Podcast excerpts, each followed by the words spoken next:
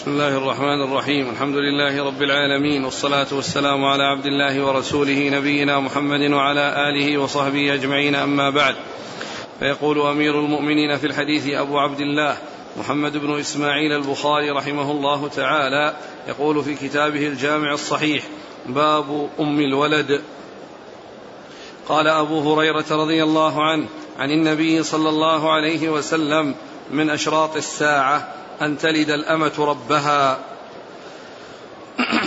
قال حدثنا أبو اليمان قال أخبرنا شعيب عن الزهري قال حدثني عروة بن الزبير أن عائشة رضي الله عنها قالت إن عتبة بن أبي وقاص عهد إلى أخيه سعد بن أبي وقاص رضي الله عنه أن يقبض إليه ابن وليدة زمعة. قال عتبة إنه ابني. فلما قدم رسول الله صلى الله عليه وسلم زمن الفتح أخذ سعد ابن وليدة, ابن وليدة زمعة فأقبل به إلى رسول الله صلى الله عليه وسلم وأقبل معه بعبد بن زمعة فقال سعد يا رسول الله هذا ابن أخي عهد إلي أنه ابنه. فقال عبد بن زمعة يا رسول الله هذا أخي ابن وليدة زمعة ولد على فراشه.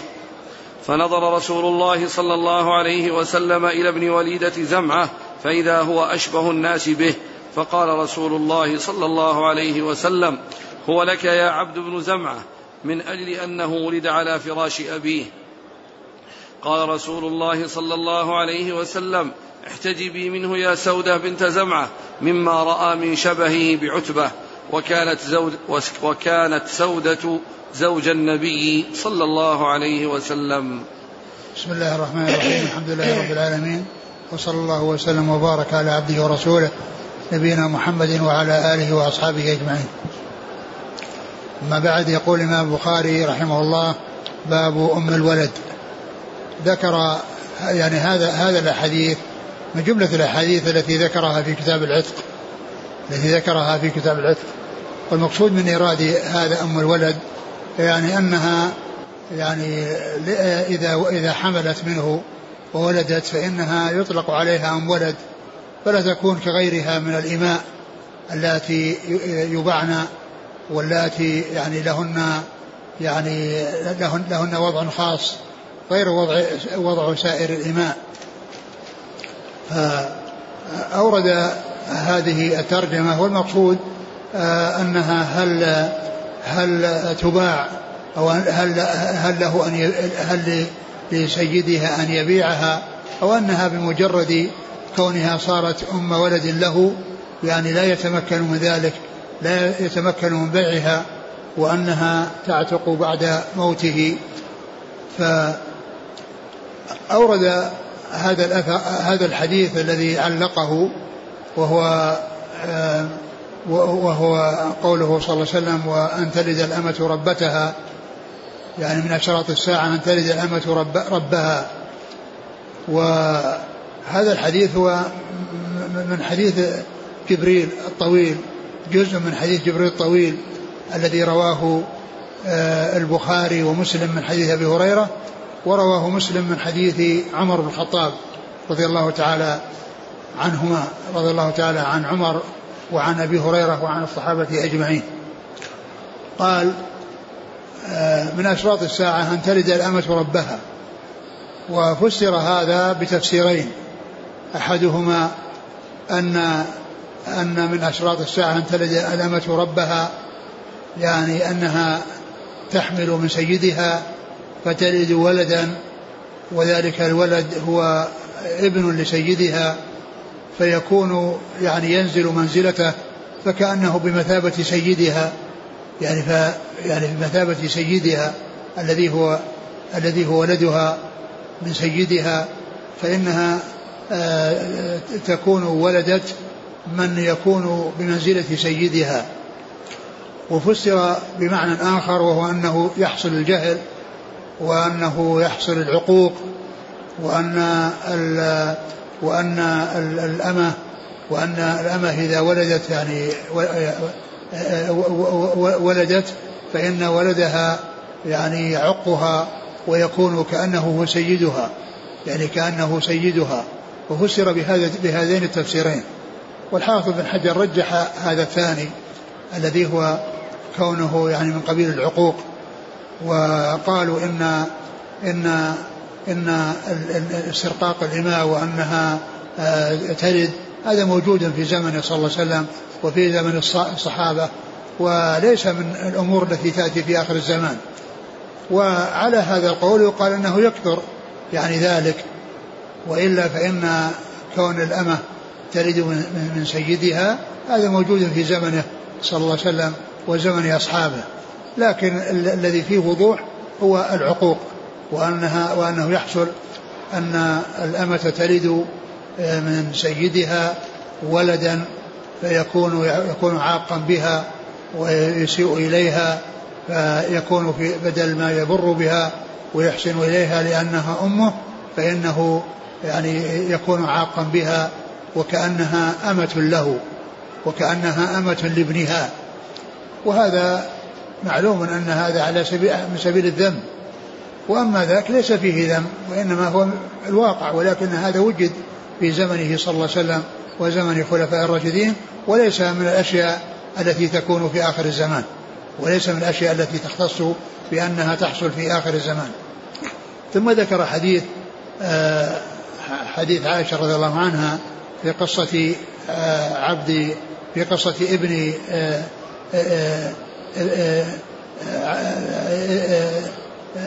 الابن الذي تنازع فيه سعد بن أبي وقاص وعبد بن زمعة وقال سعد إن أخاه عتبة عهد به إليه وقال إنه ولده و و وعبد بن زمعة قال إنه أخي وولد على فراش أبي فالرسول صلى الله عليه وسلم قال هو لك يا عبد بن زمعة؟ هو لك يا عبد عبد بن زمعة وألحقه به وألحقه بزمعة وقال الولد للفراش وبقيته في الحديث الآخر وللعاهر الحجر العاهر هو الزاني. وعتبة إنما حصل إنما حصل ذلك أنه عن طريق, طريق الزنا لأنه كان كافرا. وقد زنى وأوصى إلى سعد وقال إنه مني. والرسول صلى الله عليه وسلم رأى شبها بينا بعتبة ولكنه من أجل أن أن المرأة فراش وأن الأمة فراش لزمعة ألحقه مع أن الشبه قوي بعتبة وقال عليه الصلاة والسلام الولد للفراش الولد للفراش. اقرأ الحديث. عن عائشة رضي الله عنها قالت إن عتبة بن أبي وقاص عهد إلى أخيه سعد بن أبي وقاص أن يقبض إليه ابن وليدة زمعة. قال عتبة إنه ابني.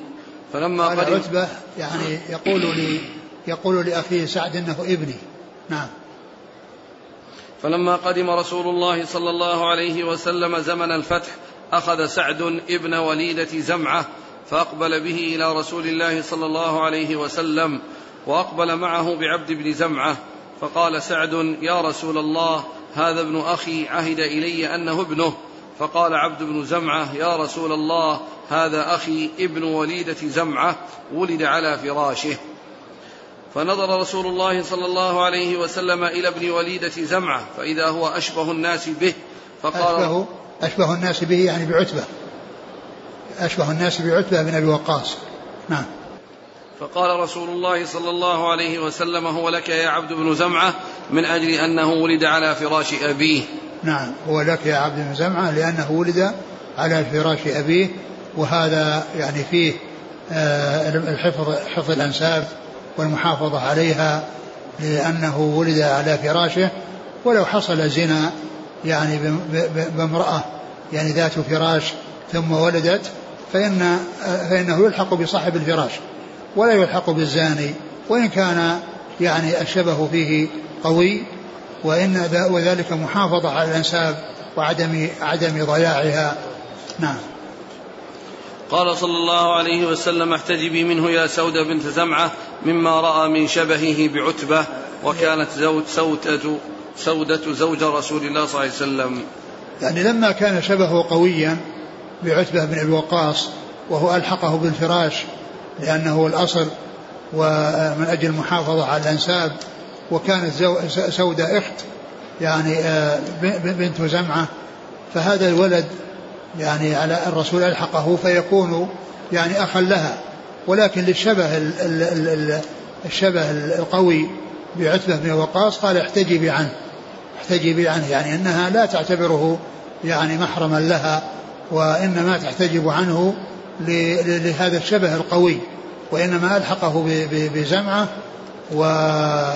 ولقوة للفراش وتغليب جانب الفراش على جانب الزنا. نعم. قال حدثنا أبو اليمان الحكم بن نافع. عن شعيب بن أبي حمزة. عن الزهري نعم. عن عروة بن الزبير عن عائشة. نعم. قال رحمه الله تعالى باب بيع المدبر. قال حدثنا آدم بن أبي إياس قال حدثنا شعبة قال حدثنا عمرو بن دينار. وبيع أمهات الأولاد اختلف فيه العلماء يعني على قولين منهم من أجازه ومنهم منع ولكن الجمهور على على منعه. وبل آه يعني آه حكي أنه آه لم يخالف في ذلك إلا شذوذ يعني في, في, في المسألة وأن أن أن الصحيح والمعتبر عند العلماء وأنه يعني كشبيه بالإجماع أنه أنها لا تباع أمهات الأولاد. نعم. قال حدثنا ابن آدم بن أبي إياس قال حدثنا شعبة قال حدثنا عمرو بن دينار قال سمعت جابر بن عبد الله رضي الله عنهما قال أعتق رجل منا عبدا له عن دبر فدعا النبي صلى الله عليه وسلم به فباعه. قال جابر مات الغلام عام أول. ثم قال باب المدبر بيع المدبر. باب بيع المدبر. المدبر هو الذي يعلق عتقه على الموت. يعني يعتق الإنسان عبده يعني إذا مات. يعني إذا قال قال إذا مت فعبدي حر. فعبدي عتيق. يعني هذا هو المدبر يعني يعلق عتقه على الوفاة. وقيل له مدبر لأنه علق على الموت والموت دبر الحياة.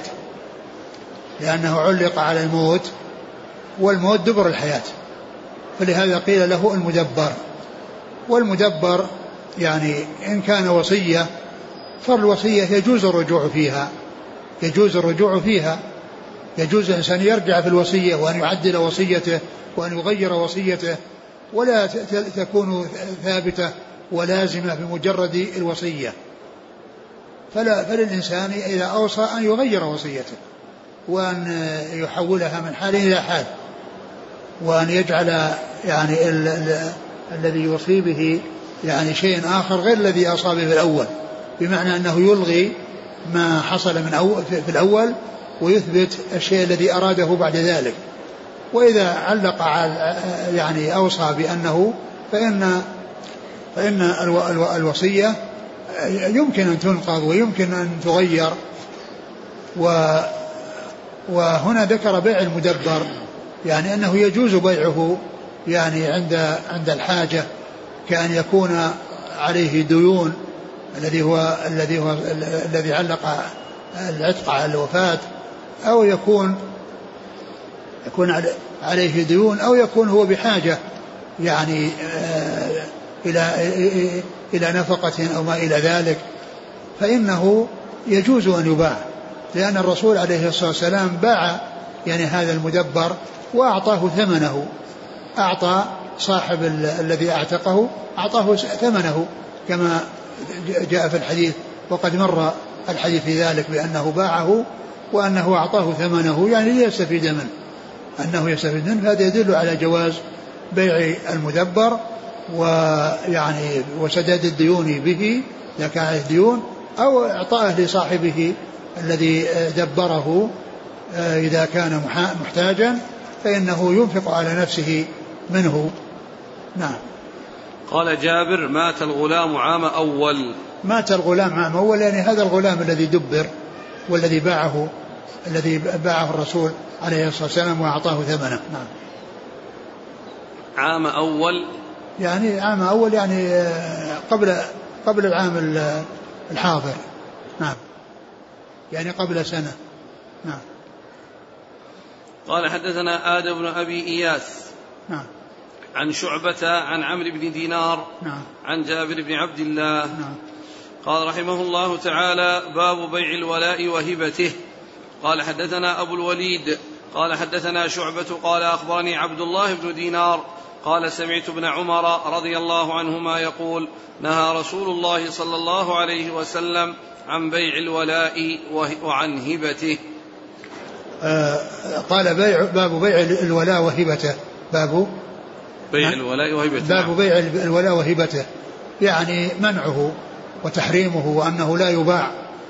لأن هذا مثل النسب. النسب لا يتصرف فيه فكذلك الولاء لا يتصرف فيه لا ببيع ولا بهبة وإنما هو شيء ثابت كالنسب. ومعنى ذلك أن الإنسان إذا اعتق عبدا فميراثه له إذا إذا عدم أصحاب الفروض إذا عدم إذا إذا عدم العصبات الذين قبله. فهو عاصب من العصبات لكنه بعد جميع العصبات من النسب. يعني يأخذ يأخذ صاحب الفرض فرضه وما بقي لأولى رجل ذكر. والولاء والعصبة في الغالب إنما هي في الرجال.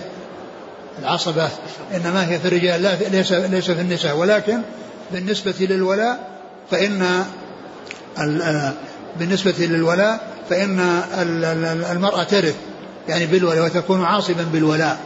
تكون عاصبا بالولاء. ولهذا يقول الرحبي وليس في النساء طرا عصبة إلا التي منت بعتق الرقبة. وليس في النساء طرا يعني جميعا. عصبة يعني عصبة عصبة بالغير. أما عصبة مع يعني مع الغير فهذا موجود لأن الأخوات مع البنات عصبات. الأخوات مع البنات عصبات يعني عصبات مع الغير. أما العصبة بالغير فإن هذا إنما يكون في آه، المعتقة. يكون في المعتقة هي التي ترث بالولاء وهي من العصر ومعنى ذلك أن الميت الذي أعتق إذا لم يوجد له أولاد وليس له يعني آباء وأجداد فإنه يعني يرثه الذي أعتقه سواء كان رجلا أو امرأة سواء كان معتق رجل أو امرأة فهو عصبة متأخرة عن العصبات ولهذا من أسباب الميراث يعني الزواج والنسب والولاء. يعني أسباب ميراث ثلاثة كل يثير ربه الوراثة وهي نكاح وولاء ونسب. وهي نكاح وولاء ونسب. فهي أحد أسباب الميراث الثلاثة التي هي الذي الذي هو الولاء. فالولاء لا يتصرف فيه كما أن النسب لا يتصرف فيه. فلا فليس لإنسان يعني يرث عتيقا له أن يبيع ولاءه وأن يعني يرثه شخص غير المعتق فإن هذا كالنسب لا يباع ولا يوهب.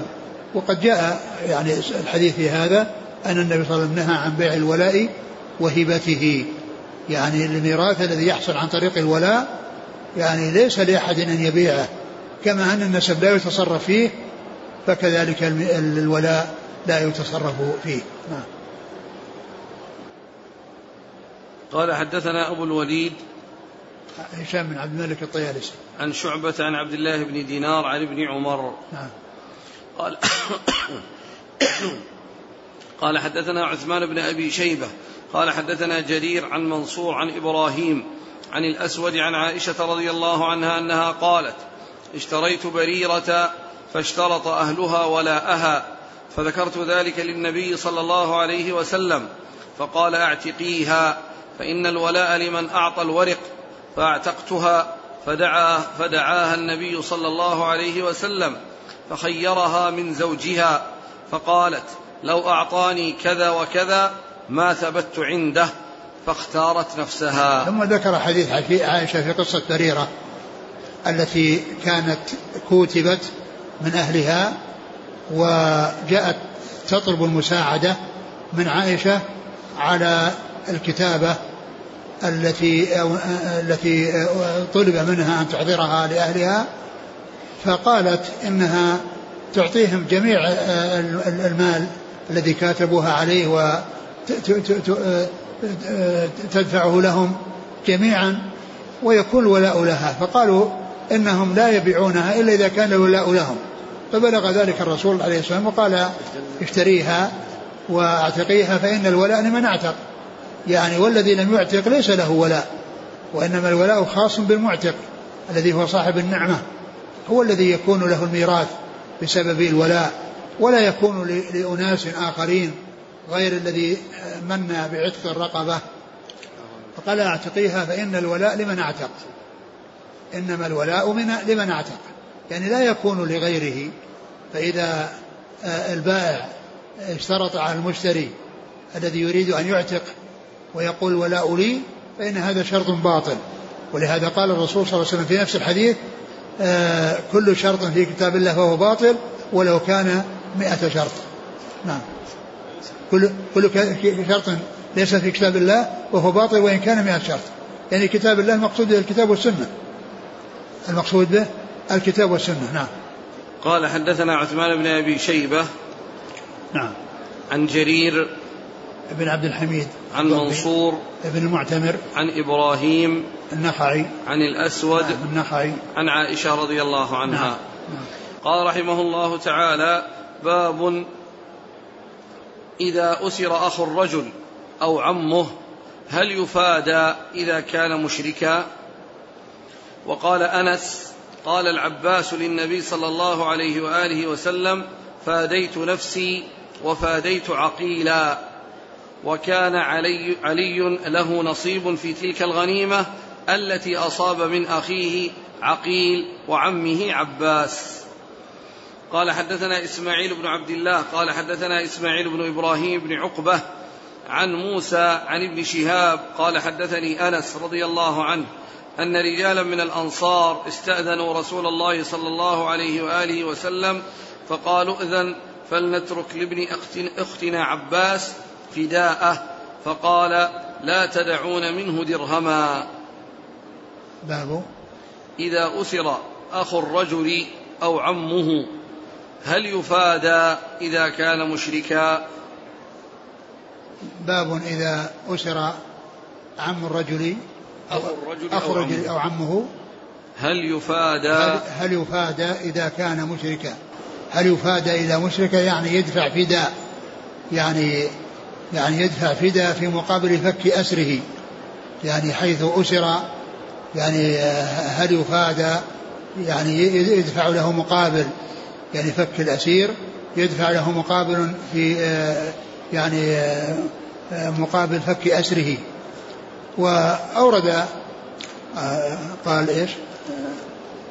وقال أنس قال العباس للنبي صلى الله عليه وسلم فاديت نفسي وفاديت عقيلا. وقال يعني أنس أن العباس قال فاديت نفسي وفاديت عقيلا يعني أنه ما ترك ما, ما جعل فداؤه من الرسول صلى الله عليه وسلم وإنما أخذ منه يعني فودي هو, هو نفسه الذي دفع.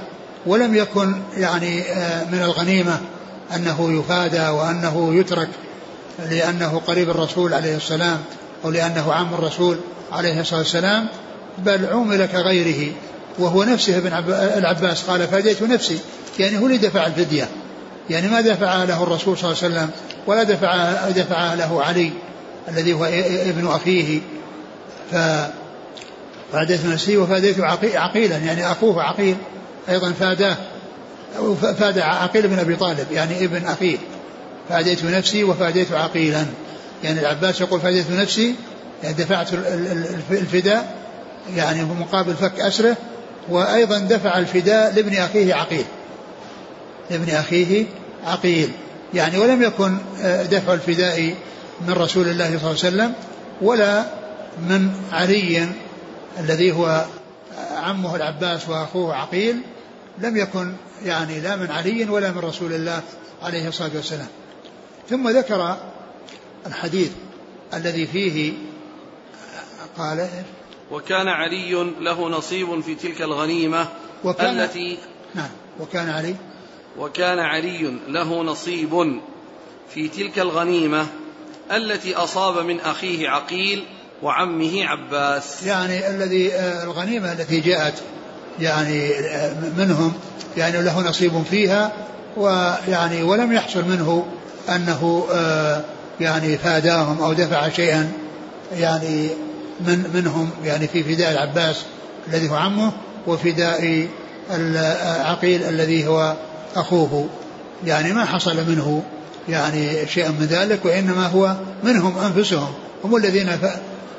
العباس هو الذي فاد بنفسه وبأخيه وبابن أخيه ودفع مقابل فك أسره ولم يدفع لا من علي ولا من رسول الله صلى الله عليه وسلم.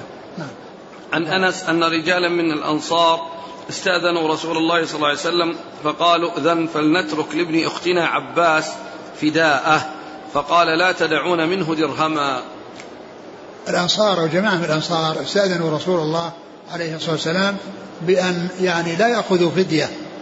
يعني وأن يتركوا له الفداء ولا يأخذوا منه شيئا وإنما يطلق أسره بدون بدون بدون مقابل. فالرسول عليه والسلام قال لا تدعوا منه درهما. يعني يفاد كغيره ويعني يدفع الفدية كغيره. قال لا تدعوا منه درهما يعني من الفداء لكونه آه، يعني قال لكو ابن أختنا. والمقصود بكون ابن العباس من ابن أختهم لأن أم عبد المطلب هي من الأنصار من الخزرج من بني النجار. فقيل فقالوا ابن أختنا يعني لأنه ابن ابن ابن لأن أم عبد المطلب أم عبد المطلب هي منهم. فلهذا قالوا ابن أختنا يعني في بيننا وبينه قرابة ونريد أن نترك له الفداء. فلا نأخذ منه شيئا. فالنبي صلى الله عليه وسلم قال لا تدعوا منه درهما. خذوا الفداء كله ولا تسامحوه ولا بدرهم. يعني هذا هو شأن الأسارى أنهم يعني يعني يفدون أنفسهم ولا يعني يعني يفدون من الغنيمة ولا يفدون من جهة أقاربهم وإنما هم الذين يدفعون الفداء. ولهذا الرسول صلى الله عليه وسلم قال لا تدعوا منه درهما. لما قالوا إننا نريد أن نترك الفداء لابن أختنا يعني أشاروا إلى القرابة التي بينهم وبينه وأنه ابن أختهم التي التي هي أم أم عبد المطلب. ليست أم العباس ولكنها أم عبد المطلب فقالوا ابن أختنا. نعم. فقالوا إذا فلنترك لابن أختنا عباس فداءه. نعم فقال يعني لا تدع ما نأخذ منه شيء. يعني ما نأخذ منه فداء. قال لا تدعوا منه شيئا. خذوا خذوا الفداء كاملا. نعم. قال حدثنا إسماعيل بن عبد الله لويسي عن إسماعيل بن إبراهيم آه، بن عقبة. بن عقبة. عن موسى. يعني عمه يروي عن عمه موسى بن عقبة. يعني إسماعيل بن إبراهيم بن عقبة يروي عن عمه موسى بن عقبة. نعم. عن ابن شهاب نعم. عن أنس. نعم. أنس من صغار الصحابة وابن شهاب من صغار التابعين. ففيه رواية تابعي صغير عن صحابي صغير. آه، إذا الجواب السؤال الآن جعله استفهام. هل إذا أسر أخو الرجل أو عمه هل يفادى إذا كان مشركا؟ لم يجزم بشيء. نعم. ترجمة البخاري نعم إذا أسر أخو الرجل أو عمه هل يفادى إذا كان مشركا يعني يفادى يعني من من قرابته وأما كونه هو نفسه يدفع الفدية هذا هو الذي قد حصل. الآن اذا جوابه آه، هل يفادى إذا كان مشركا؟ يعني لا يفادى من قرابته. أي نعم نعم. يقول حافظ بن حجر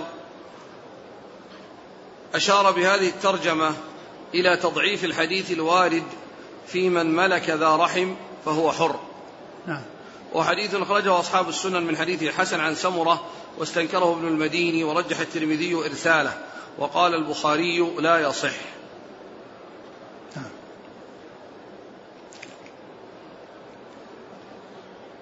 قال وقد أخذ بعمومه الحنفية والثوري والأوزاعي والليث وقال داود لا يعتق أحد على أحد. وذهب لا. لا يعتق أحد على أحد. نعم. لا. وذهب الشافعي إلى أنه لا يعتق على المرء إلا أصوله وفروعه. نعم. لا لهذا الدليل بل لأدلة أخرى. نعم. وهو مذهب مالك وزاد الإخوة حتى من الأم. نعم. وزعم ابن بطال أن في حديث الباب حجة عليه. وفيه نظر لما سأذكره. نعم. إذا هو الآن يريد أن كون الرجل وقع أو العباس وقع في الأسر فلا يعتق على رسول الله صلى الله عليه وسلم أو على ال... اي نعم نعم. لا يعتق ولا ولا ولا يفاد أيضا. يقول وكان علي بن أبي طالب له نصيب في تلك الغنيمة نعم. التي أصاب من أخيه عقيل نعم. ومن عمه العباس. نعم. وهو كلام المصنف ساقه مستدلا به على أنه لا يعتق بذلك. نعم.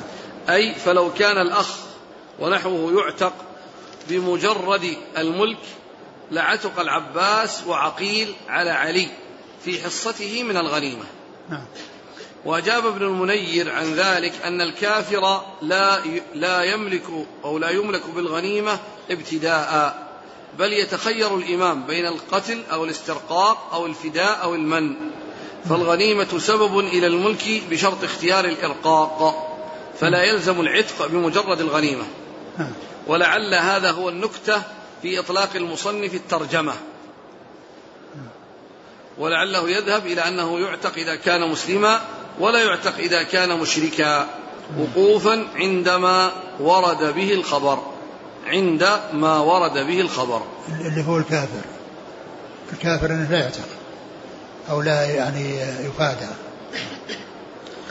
ابن أختنا نعم. المراد أنهم أخوال أبيه عبد المطلب. نعم. فإن أم العباس هي نتيلة بالنون والمثنى مصغرة. نتيلة بنت جنان بالجيم والنون. وليست من الأنصار. وإنما أرادوا بذلك أن أم عبد المطلب منهم لأنها سلمى بنت عمرو ابن أحيحة. يعني هذه أم العباس. اللي قالوا أم العباس؟ أي نعم. يعني هذه اللي يعني ليس المقصود لأن هذه ليس من أم العباس ليس منهم إنما أرادوا أم عبد المطلب. عبد المطلب نعم. سلمى بنت عمرو ابن أحيحة. نعم. وهي من بني النجار. نعم. ومثله ما وقع في حديث الهجرة نزل على أخواله بني النجار. أخوال حقيقة إنما هم بنو زهرة. نعم. وبنو النجار أخوال جده عبد المطلب. وقد نزلوا يعني في دا قد نزلوا في دا في دار أبي أيوب الأنصاري. يعني كما جاء في الحديث في صحيح مسلم وغيره أنهم نزلوا وكان من دورين.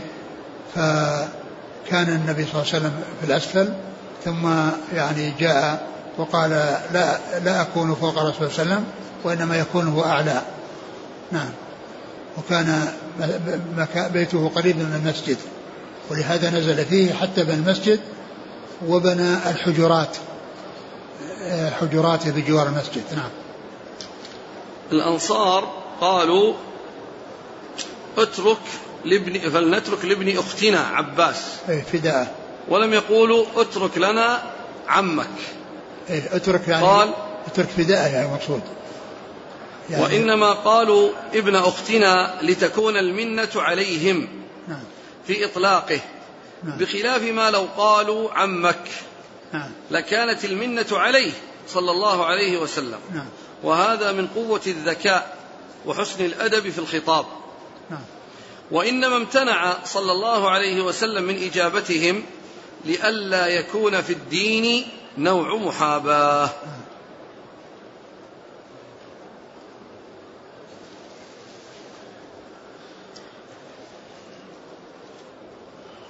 قال رحمه الله تعالى باب عتق المشرك. قال حدثنا عبيد بن إسماعيل قال حدثنا أبو أسامة عن هشام قال أخبرني أبي أن حكيم بن حزام رضي الله عنه أعتق في الجاهلية مئة رقبة. وحمل على مئة بعير. فلما أسلم حمل على مئة بعير وأعتق مئة رقبة. قال فسألت رسول الله صلى الله عليه وسلم فقلت يا رسول الله أرأيت أشياء كنت أصنعها في الجاهلية كنت أتحنث بها يعني أتبرر بها. قال فقال رسول الله صلى الله عليه وسلم أسلمت على ما سلف لك من خير. باب عتق المشرك. باب عتق المشرك يعني إذا حصل العتق من المشرك بأن أعتق عبيدا فمعلوم أنه في حال كفره أن القرب التي يتقرب بها والتي يفعلها أنها لا تفيده شيئا في الآخرة وإنما تفيده بالدنيا بأن تقدم له طيباته في الحياة في الحياة الدنيا وأما في الآخرة فليس له إلا النار. إذا مات على الكفر. ليس له إلا النار إذا مات على الكفر ولا يستفيد من هذه الأعمال الطيبة. كما قال الله عز وجل وقدمنا إلى ما عملوا من عمل فجعلناه هباء منثورا. وقدمنا إلى ما عملوا من عمل فجعلناه هباء منثورا. حكيم بن حزام رضي الله تعالى عنه كان أعتق في الجاهلية مئة رقبة يعني في حال كفره وكذلك يعني حمل على مئة بعير وأنه فعل مثلها في الإسلام. يعني هذا الشيء الذي فعل في الجاهلية من اعتاق مئة رقبة ومن الحمل على مئة بعير أنه فعل مثله في الإسلام. ثم سأل عما حصل له يعني في الجاهلية يعني من الأفعال التي كان يتحنث بها يتبرر بها فقال أسلمت على ما أسلفت من خير. أسلمت على ما أسلفت من خير. فهذا يدل على أن الإنسان إذا حصل منه يعني شيء في الجاهلية من الأعمال الصالحة ثم أسلم فإن ذلك يفيده وإنما لا يفيده إذا مات على الكفر. إذا مات على الكفر فإنه لا يفيده ولكنه إذا مات على الإسلام فإن الله تعالى يثيبه على ما حصل منه في الجاهلية وما حصل منه في الإسلام فضلا منه سبحانه وتعالى. فقال أسلمت على ما أسلفت من خير. ولهذا يعني العبرة يعني بال يعني بعدم الاستفادة بالوفاة على الكفر الوفاة على الكفر. ولهذا بعض الصحابة الذين ارتدوا وعادوا إلى الإسلام فإنهم ما ما خرجوا من الصحبة بل اعتبروا صحابة على أصح الأقوال يعني في ذلك.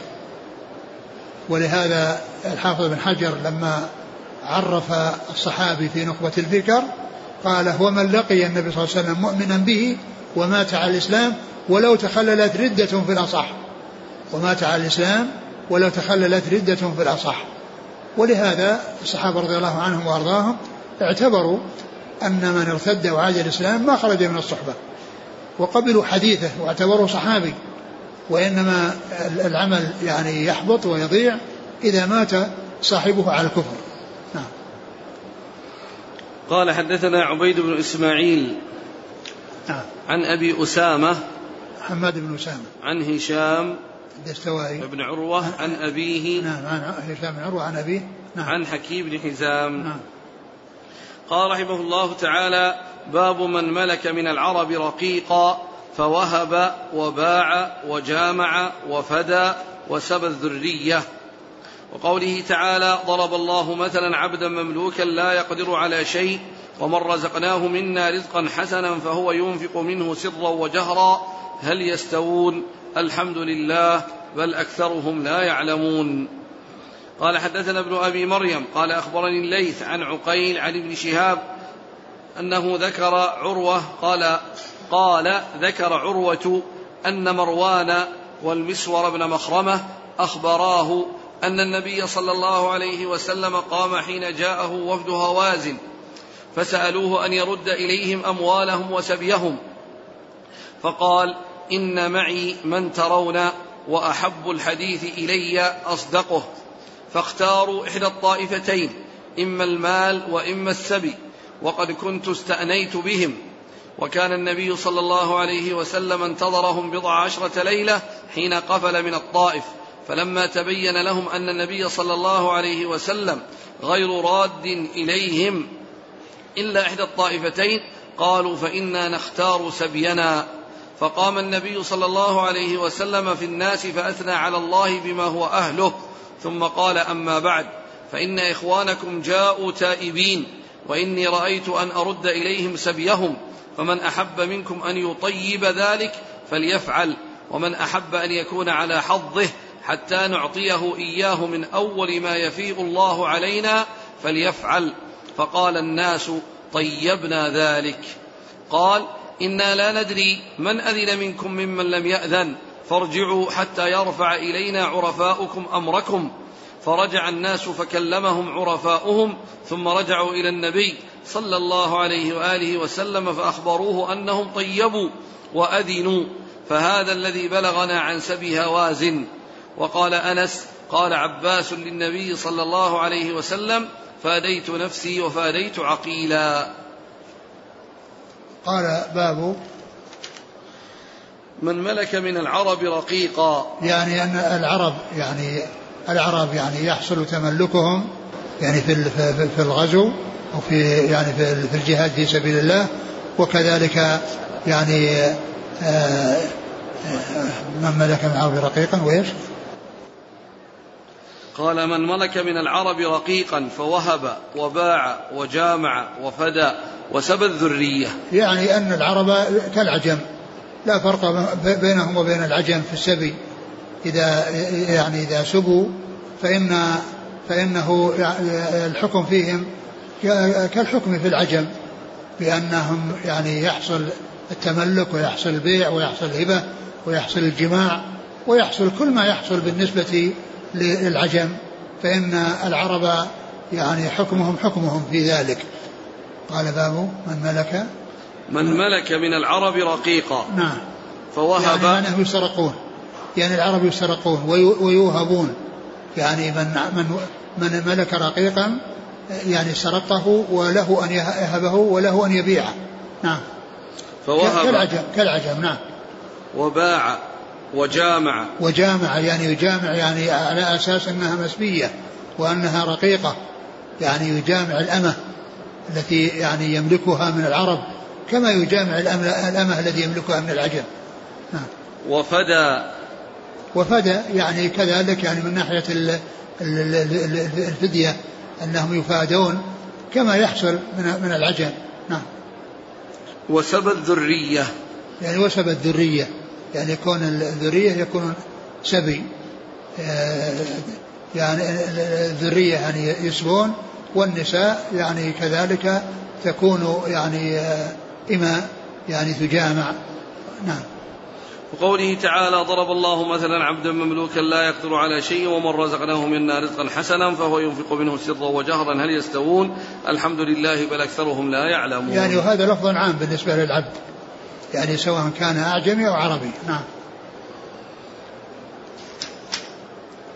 الحديث جاء وفد هوازن فسألوا جاء وفد هوازن.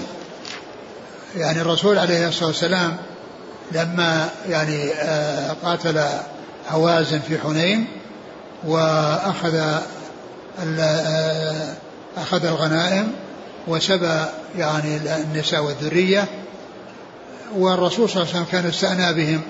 يعني هل يعني يتوبون ويدخلون في الإسلام أربع عشرة ليلة ثم إنه قسم الغنائم وصار السبي أيضا وزع كما توزع الغنائم.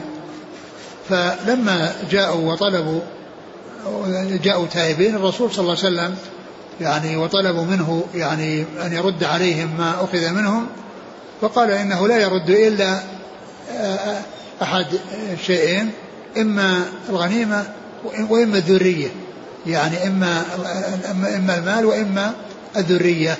فاختاروا أن أن يرد عليهم السبي. والمال يذهب. يعني اختاروا أن يرد عليهم سبيهم. والرسول عليه الصلاة والسلام بعدما وزع السبي وصار كل ملك ما يستحقه ما أعطي إياه آه قال الرسول صلى الله عليه وسلم للذين أخذوا من من السبي ووزعت السبي عليهم الرسول عليه الصلاة والسلام قال آه لما جمعهم وقالوا إن إن إخوانكم جاءوا تائبين وأنهم طلبوا منا كذا وكذا وأنهم طلبوا السبي وأن من أراد أن يتنازل عن الشيء الذي وصل إليه وأن تطيب نفسه بإعطائه ورده إلى إليهم آه، فعل. ومن لم يفعل فإن رادون عليهم سبيهم وسنعوض من لم يرضى ومن لم يطيب بأول شيء يفي إلينا ويحصل من الغنائم من السبي فإن نعطيه عوضا عن الذي يعني أخذ منه. فقالوا طيبنا طيبنا كلهم بصوت واحد طيبنا طيبنا. فالرسول عليه الصلاة والسلام خشي أن يكون فيهم أحد ما طيب وإنما هذه أصوات طلعت يعني مرتفعة ومجتمعة. وأن يكون فيهم أحد لم يحصل منه ذلك وأن هذا الكلام إنما حصل من بعضهم لا من كلهم. هذه الأصوات التي طلعت طيبنا طيبنا ليست منهم جميعا. فقال إن لا ندري من طيب ومن لم يطيب ولكن حتى يأتي إلينا عرفاؤكم لأن كل مجموعة يعني من من من من من, من الصحابة المجاهدين معه لهم عريف يعني هو هو الذي يتحدث عنهم. وهو الذي يعني يعني يرجع إليه بشأنهم.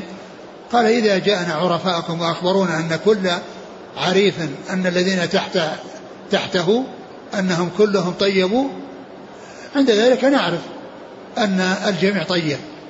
فجاء العرفاء وأخبروا بأنهم كلهم طيبوا عرفوا العرفاء لكل مجموعة أخبروا بأنهم طيب بأنهم طيبوا يعني أنه طابت نفوسهم وأنهم سمحوا سمحوا بذلك ولا يريدون عوضا من الفيء الذي سيأتي كما أخبرهم بذلك رسول الله عليه الصلاة والسلام.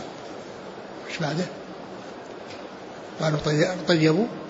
فرجع فقال انه طيبوا وأذنوا فهذا الذي بلغنا عن سبي هوازن. فهذا الذي بلغنا عن سبي هوازن أنه أنه حصل السبي اولا ثم حصل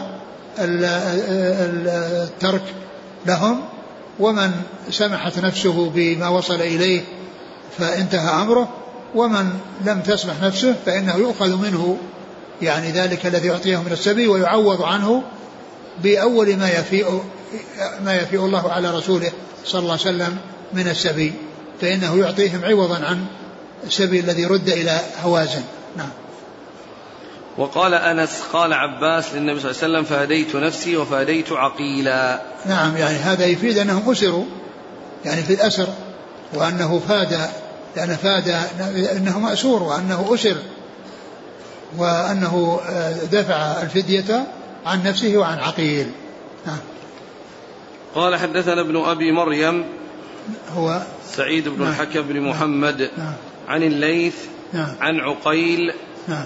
عن ابن شهاب نعم عن عروة عن مروان والمسور بن مخرمة. نعم. قال حدثنا علي بن الحسن قال أخبرنا عبد الله قال أخبرنا ابن عون قال كتبت كتبت إلى نافع فكتب إلي أن النبي صلى الله عليه وسلم أغار على بني المصطلق وهم غارون وأنعامهم تسقى على الماء فقتل مقاتلتهم وسبى ذراريهم وأصاب يومئذ جويرية رضي الله عنها. حدثني به عبد الله بن عمر وكان في ذلك الجيش.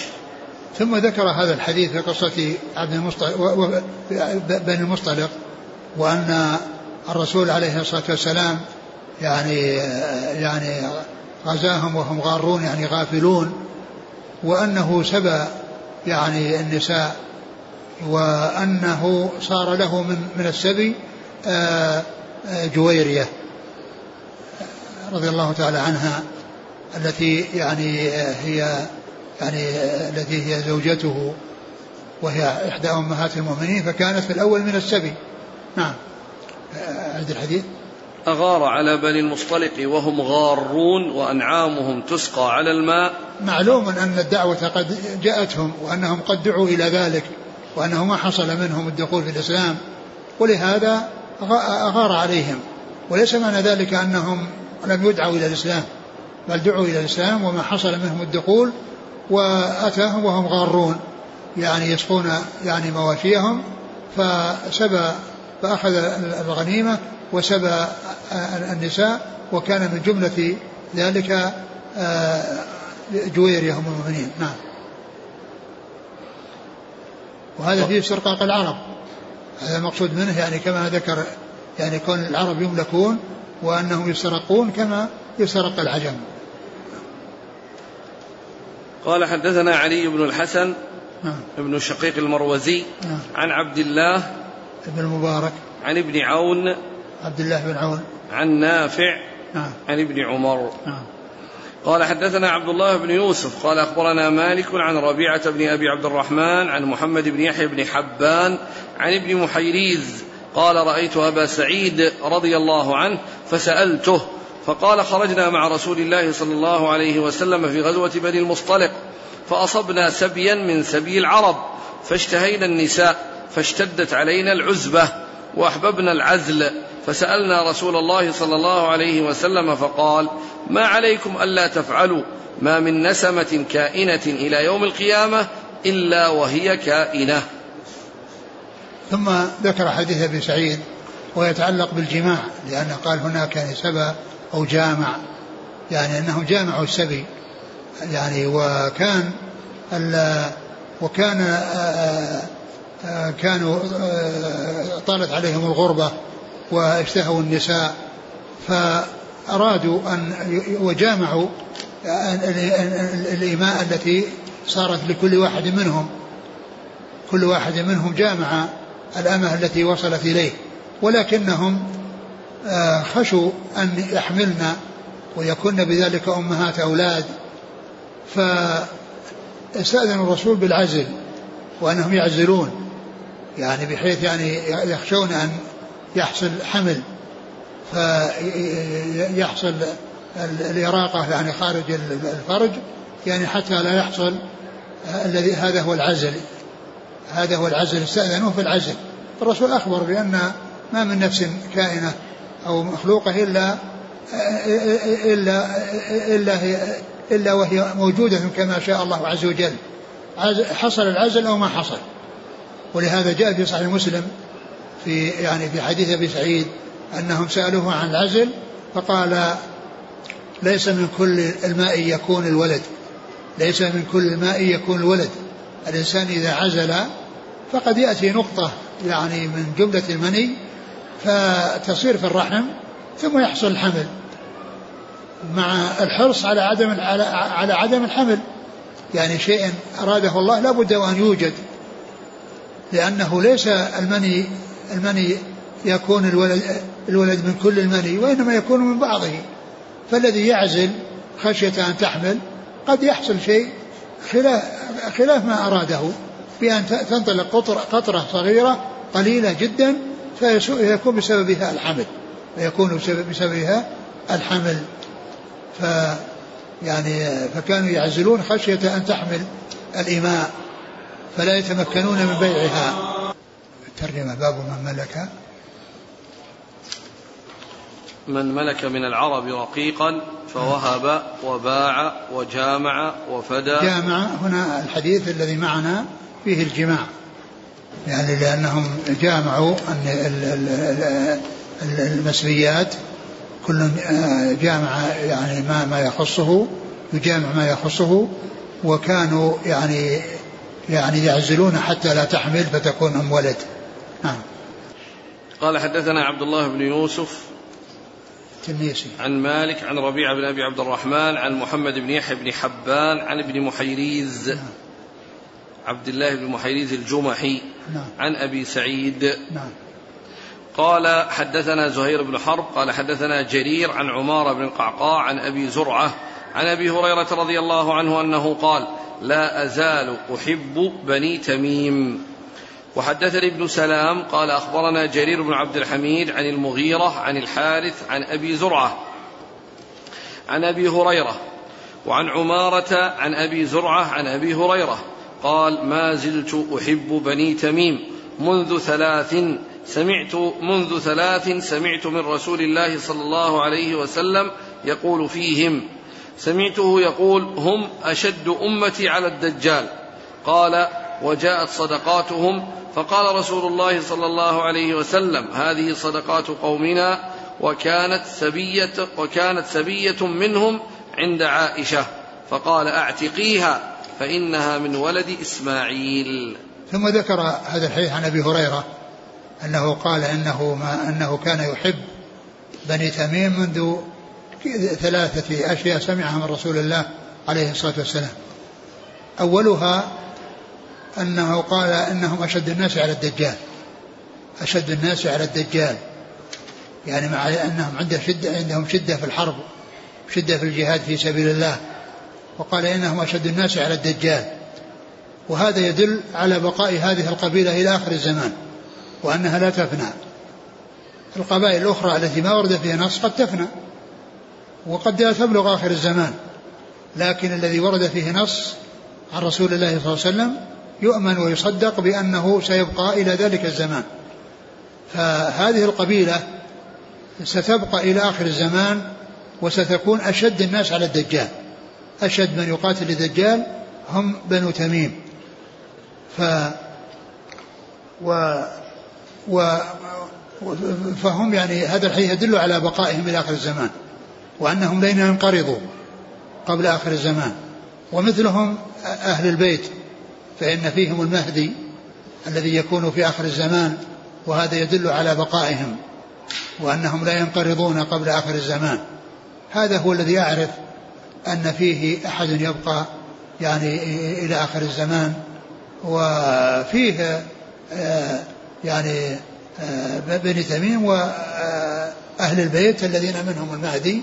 هؤلاء جاء يعني الدليل على بقائهم وعلى استمرارهم. نعم.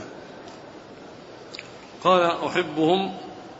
نعم والثانية؟ منذ ثلاث سمعت وسلم يقول فيهم أشد أمة الدجال. وقد جاء صدقاتهم فقال صدقات قومنا. صدقات قومنا. المقصود بقوله قومنا لأنهم من, من, من أولاد الياس ابن مضر يلتقون مع الرسول عليه السلام في إلياس ابن مضر ابن نزار ابن معد بن عدنان. فكانوا يلتقون معه في إلياس فقال إنهم يعني قومنا بهذا بهذا السبب الذين هم كونوا يلتقون معه في جده الذي هو يعني في أعلى نسبه إلى عدنان لأن أجداد الرسول عليه الصلاة أو آباء الرسول صلى الله عليه وسلم إلى عدنان واحد وعشرون. واحد وعشرون أبا آخرهم عدنان هذا هو الذي اتفق عليه النسابون. وبني تميم يلتقون مع النبي صلى الله عليه وسلم في إلياس ابن مضر بن نزار ابن معد بن عدنان يلتقون في إلياس فقالوا قومنا يعني أنهم يعني من, من, من يعني يلتقون معه في آه، جده الذي هو إلياس. وكان فيه سبية عند عائشة فقال أعتقيها فإنها مولد إسماعيل. وهذا فيه دليل على يعني استرقاق العرب. لأنها بني إسماعيل يعني أنه من العرب وأنها يعني رقيقة وأنها سبي يعني مسبية. فقال, فقال أعتقيها فإنها من ولد إسماعيل. وفي هذا يعني دليل على أن اليمن يعني فيه يعني من بني إسماعيل وفيه القحطانيون. يعني فيه القحطانيون وفيه من ولد إسماعيل فإن هؤلاء الذين هم يعني بني تميم آآ آه، آآ آه، آه، قال أعتقيها فإنها فإنهم فإنها من ولد إسماعيل نعم. قال حدثنا زهير بن حرب. نعم. أبو خيثمة. النسائي البغدادي. نعم. عن جرير. بن عبد الحميد. الكوفي. نعم. عن عمار بن القعقاع. نعم. الكوفي. نعم. عن أبي زرعة. بن زرعة بن عمرو بن جرير. بن عبد الله البجلي الكوفي نعم. عن أبي هريرة. نعم. قال وحدثني ابن سلام محمد بن سلام هذه طريقة أخرى. عن جرير بن عبد الح... عن جرير بن عبد الحميد عن نعم. المغيرة. نعم المغيرة بن مقسم الضبي. عن الحارث الحارث بن زيد العكلي. نعم. عن أبي زرعة نعم. بن عمرو عن أبي هريرة. نعم. وعن عمارة بن القعقاع نعم. عن أبي زرعة عن أبي هريرة. نعم. قال رحمه الله تعالى باب فضل من أدب جاريته وعلمها. والله تعالى أعلم وصلى الله وسلم وبارك على عبده ورسوله نبينا محمد وعلى آله وأصحابه أجمعين. جزاكم الله خيرا وبارك الله فيكم. ألهمكم الله الصواب ووفقكم للحق شافاكم الله وعافاكم ونفعنا الله بما سمعنا غفر الله لنا ولكم وللمسلمين أجمعين. آمين آمين. يقول السائل هل أم الولد لا تباع بمجرد الحمل أم لا بد من وجود الولد؟ لا بمجرد الحمل لأنها صارت يعني لأن هذا يعني آه، يعني معناه أن أن ولده يعني آه، أن أن أن أن, أن, ولده يعني يسير مع أمه وهي وقد بيعت. فليس المقصود من ذلك يعني الولد الذي هو موجود؟ وإن هذا ولد ولهذا يرث الحمل. أقول يرث الحمل. آه، لأنه يقول هل إذا مات الولد حينئذ تباع؟ سقط الولد سقط. لا لا ما تباع. يعني مجرد أنها حملت خلاص. نعم. أنجبت ولا ما أنجبت؟ نعم. نعم. هو الذي يظهر لأنها لأنها حملت منه. يقول هل تدل ترجمة البخاري رحمه الله على أن العباس كان كافرا وقت ذاك؟ نعم كافر. أقول كيف كيف يؤسر؟ أقول أقول الذين أسروا كفار. يقول أشكل علي أن بنت النبي صلى الله عليه وسلم فادت زوجها لما كان مشركا بعقد كان لأمها خديجة رضي الله عنها. فهي إيش إيش؟ أن بنت النبي صلى الله عليه وسلم زينب فادت زوجها أبا العاص. لما كان مشركا وكان الفداء عقد كان لأمها خديجة فهي قريبته لأنها زوجته وفادته. وقد قلتم بارك الله فيكم أن القريب لا يفادى من أقربائه. هذا الكلام الذي ذكر لا أعرف شيئا عن صحته وهي يعني يعني آه، لما أسلم ردها عليه بالعقد الأول لما أسلم ردها عليه وبقيت في عصمته. لكن هذا الذي قيل أنها فادته كذا لا لا أعرف عنه شيئا. نعم لا أعرف شيئا عن عن قصة هذا العقد. يقول هل في طلب النبي صلى الله عليه وسلم العرفاء وعدم أخذه بقول الصحابة لما قالوا جميعا طيبنا طيبنا هل في ذلك دليل على بطلان الانتخابات؟ معلوم أن الانتخابات هذه في الغالب يعني مع كثرة السواد وإذا كان السواد سيئا يكون المختار سيئا. وإذا كان السواد الكثرة اللي في السواد يعني سيئة تختار سيئا. فهذا ليس فيه يعني ليس فيه دليل على هذا وإنما هذا فيه أن أصوات طلعت لا يدرى هل هي من الجميع أو من غير أو من بعضهم. فخشي الرسول صلى الله عليه وسلم أن يكون من بعضهم. لأنهم طيبنا طيبنا ولا يدرون من طيب ومن لم يطيب. فهو أراد أن يعرف ويتحقق أن كلهم طيبوا بأن عرفاءهم يتصلون بهم واحدا واحدا ويعرفون ما عنده ثم يأتون ويخبرون فيكون بذلك حصل التطيب منهم جميعا. فالحديث الرسول صلى الله عليه وسلم قال هذا لأن لأنه لم يتحقق أن كلهم قد طيبوا. ثم أيضا هذا يدل على أن الرسول صلى الله عليه وسلم لا يعلم الغيب. لأنه لو كان يعلم الغيب كان يعرف أن أنهم كلهم طيبوا أو بعضهم طيب وبعضهم لم يطيب. لكن هذا من أدلة الكثيرة الدالة على أنه لا يعلم الغيب على الإطلاق وإنما يعلم الغيب على الإطلاق هو الله سبحانه وتعالى. نعم. يقول شيخنا جزاك الله خيرا ما حكم إزالة الأضرحة التي تبنى على قبور الأولياء ونبش تلك القبور ونقلها ونقل العظام؟ مقابر أخرى من قبل مجموعة من الأشخاص. وهم يتعرضون إلى إطلاق النار من قبل أهالي أصحاب القبور وبدون إذن من ولي الأمر. وقد سبب هذا الأمر فتنة بين عامة الناس. الناس يبتعدون عن الفتن. يبتعدون عن الفتن ولا يأتون بأشياء تضرهم وتضر غيرهم وإنما يسعون إلى ذلك بالطرق الصحيحة ببيان الحق والسعي لدى المسؤولين للتخلص من ذلك. أما أن يفعلوا فعلا يحصل فيه قتال ويحصل فيه فتن فهذا يعني غير سائر الرسول عليه الصلاة والسلام ترك الكعبة على بناء قريش وما أعادها على بناء آه، آه، إبراهيم وإسماعيل عليهما الصلاة والسلام. أبقاها. يعني حتى لا يحصل يعني شيء يعني من الكفار يعني يعود عليهم بالضرر بسبب أن الرسول عليه السلام أراد أن يفعل هذا الفعل. فالرسول ترك يعني هذا الشيء مع أنه حق. حتى لا يحصل مضرة يعني بسبب ذلك. يعني تعود على الكفار بأن يعني يكون في نفوسهم شيء. بعد دخولهم في الإسلام.